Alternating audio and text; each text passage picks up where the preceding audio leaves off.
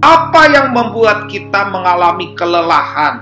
Apakah kita telah teralihkan? Apakah kita terlalu banyak beban? Apakah kita telah tidak tinggal di dalam persekutuan dalam hadirat Tuhan dan bersama-sama dengan komunitas? Atau kita telah dilelahkan karena kita telah tersesat dari jalannya? Kita telah sibuk dengan diri kita sendiri, kita telah menjadi orang yang sibuk mengasihani diri sendiri, atau kita menjadi orang yang telah melakukan bunuh diri secara rohani, di mana kita memutuskan komunikasi dengan teman-teman yang lain, kita telah menutup semua pintu-pintu dan jendela, bahkan kita telah menggemboknya, dan kunci daripada gembok telah kita buang, dan kita lebih memilih tinggal dalam satu benteng yang kita buat sendiri. Dan itu yang menyebabkan kita dilelahkan.